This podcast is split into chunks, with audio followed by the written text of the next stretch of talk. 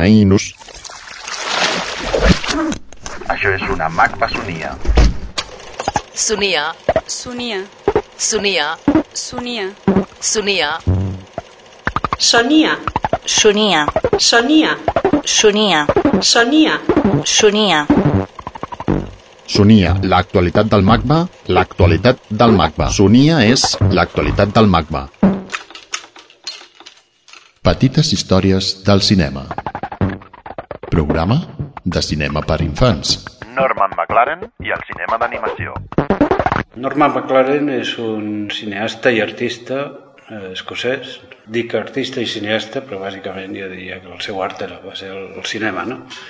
Però també va fer pintura i va estar molt influït en aquest aspecte pel surrealisme. Eugeni Bonet, escriptor, comissari i realitzador audiovisual, parla al Sonia sobre la trajectòria i treball de Norman McLaren. Londres. Comença a treballar-hi a, a Londres, on coneix una mica els mestres, sobretot del cinema soviètic, i després eh, comença a treballar a la unitat del post office, no? de l'oficina de correus, i en un moment que ja s'ensumava que hi hauria el, algun conflicte bèl·lic, naturalment doncs, correus era un, una part de l'aparell de comunicacions i per tant un component estratègic. No? I per això aquesta divisió cinematogràfica del post office va començar sent pel·lícules de propaganda del servei de correus per passar a ser cada més pel·lícules també de propaganda amb un sentit més polític. Aleshores allí coneix altres persones que treballaven i entre ells Len Lai, un també artista, cineasta neozelandès que també seguiria una mica una ruta similar que és de, després de la Segona Guerra Mundial aniria per als Estats Units. Com a part d'aquesta derivació del film publicitari institucional cap a la propaganda política, va realitzar, de fet, un, un documental sobre la Guerra Civil Espanyola i una mica aquesta és l'etapa britànica. No? Nova York.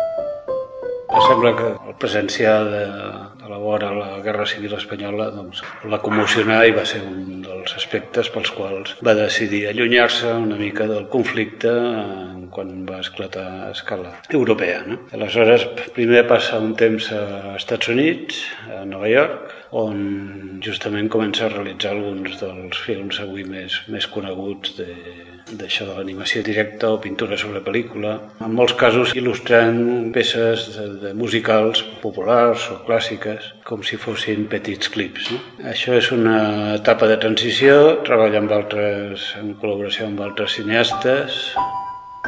Canadà. El salt definitiu és el que el porta a Canadà, on crea dins del que és l'Oficina Nacional del Cinema, el Film Board, o Office National de Film, va establir el Departament d'Animació. No? El propòsit d'aquesta Agència Nacional de Producció Cinematogràfica canadenca era no, no competir amb el que era la producció comercial, per tant no, no hi havia un èmfasi en, el, en la ficció, sinó més aviat en àrees com l'animació, per un costat, el documental, i després una mica el curtmetratge. Cinema, llenguatge universal.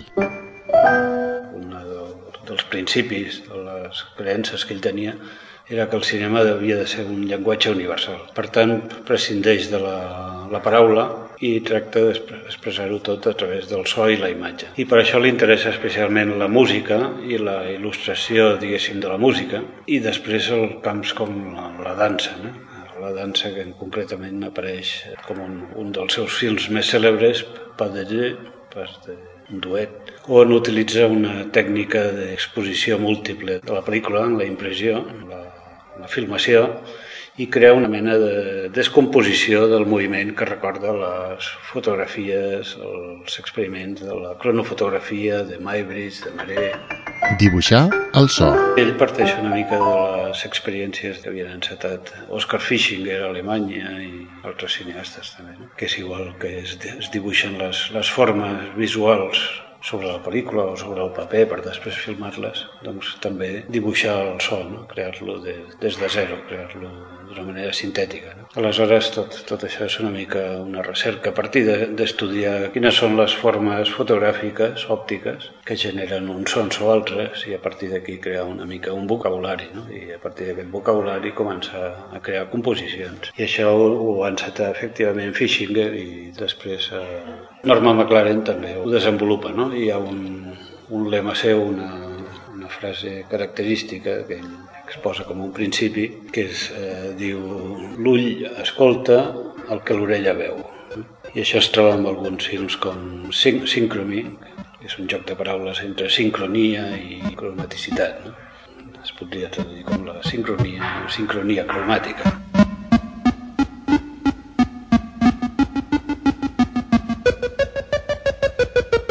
És la mateixa imatge la que genera el so. No? La mateixa imatge és portada a la, a la pista sonora, les línies gratades sobre la pel·lícula són també el que determinen el so o les formes rectangulars i cúbiques. Aquest film Synchrony de 1971 també diguéssim, són les, les mateixes eh, im- imatges generen el, el so del film. Animació directa. L'Enlai va ser una mica el que li va descobrir el sistema del el que es diu a vegades animació directa o pin- pintar directament, o actuar directament sobre la pel·lícula, dibuixant, gratant, aplicant diferents procediments. Cinema experimental. Pixelation. Neighbors. Es concentra en l'aspecte de l'animació, però el treballa en múltiples vies. No? I fa un cinema abstracte dins de la tradició del que és el que s'ha dit la música visual, la idea d'expressar la música a través de les imatges, i després fa un altre tipus de pel·lícules gairebé infantils o per a tots els públics, que il·lustren faules o rondalles o contes. I després hi ha un altre un altre dels aspectes, a part dels films de, de dansa també, de la seva etapa final, hi ha un altre aspecte que també va, va cridar molt l'atenció en el seu moment, que va, va ser el, el desenvolupament d'una tècnica, bé, no és que fos un desenvolupament original seu, però sí que el, el va portar un perfeccionament i una contundència de les obres que va realitzar en aquest principi, que és el que es diu animació d'imatge real, és a dir, no partir d'objectes o dibuixos o, o formes animades, filmades imatges per imatges, sinó en aquest cas partint d'imatges reals i anant filmant a intervals, fi- filmant fotograma per fotograma també, de manera que els, les pròpies persones o els subjectes reals de, de, la realitat es convertien també en, en ninots, diguéssim. No? I ell li dona a aquesta tècnica el nom de pixelation. I pixelation és un terme que bé és un, bastant intraduïble i per això ha esdevingut una mica dins el lèxic de l'animació, ha esdevingut un terme universal. Però pixelation és un, ve d'un verb de la llengua anglesa que vol dir eh, un verb així una mica popular, no? utilitzat de, de manera planera, que vol dir, diguéssim, equival a fer el tonto. No?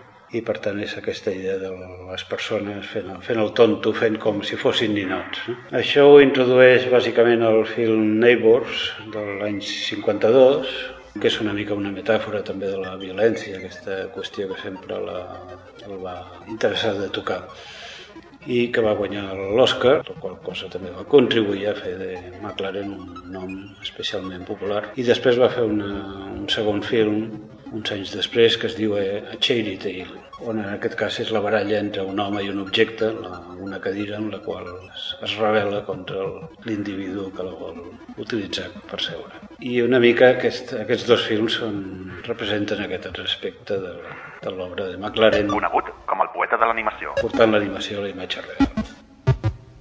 Petites històries del cinema.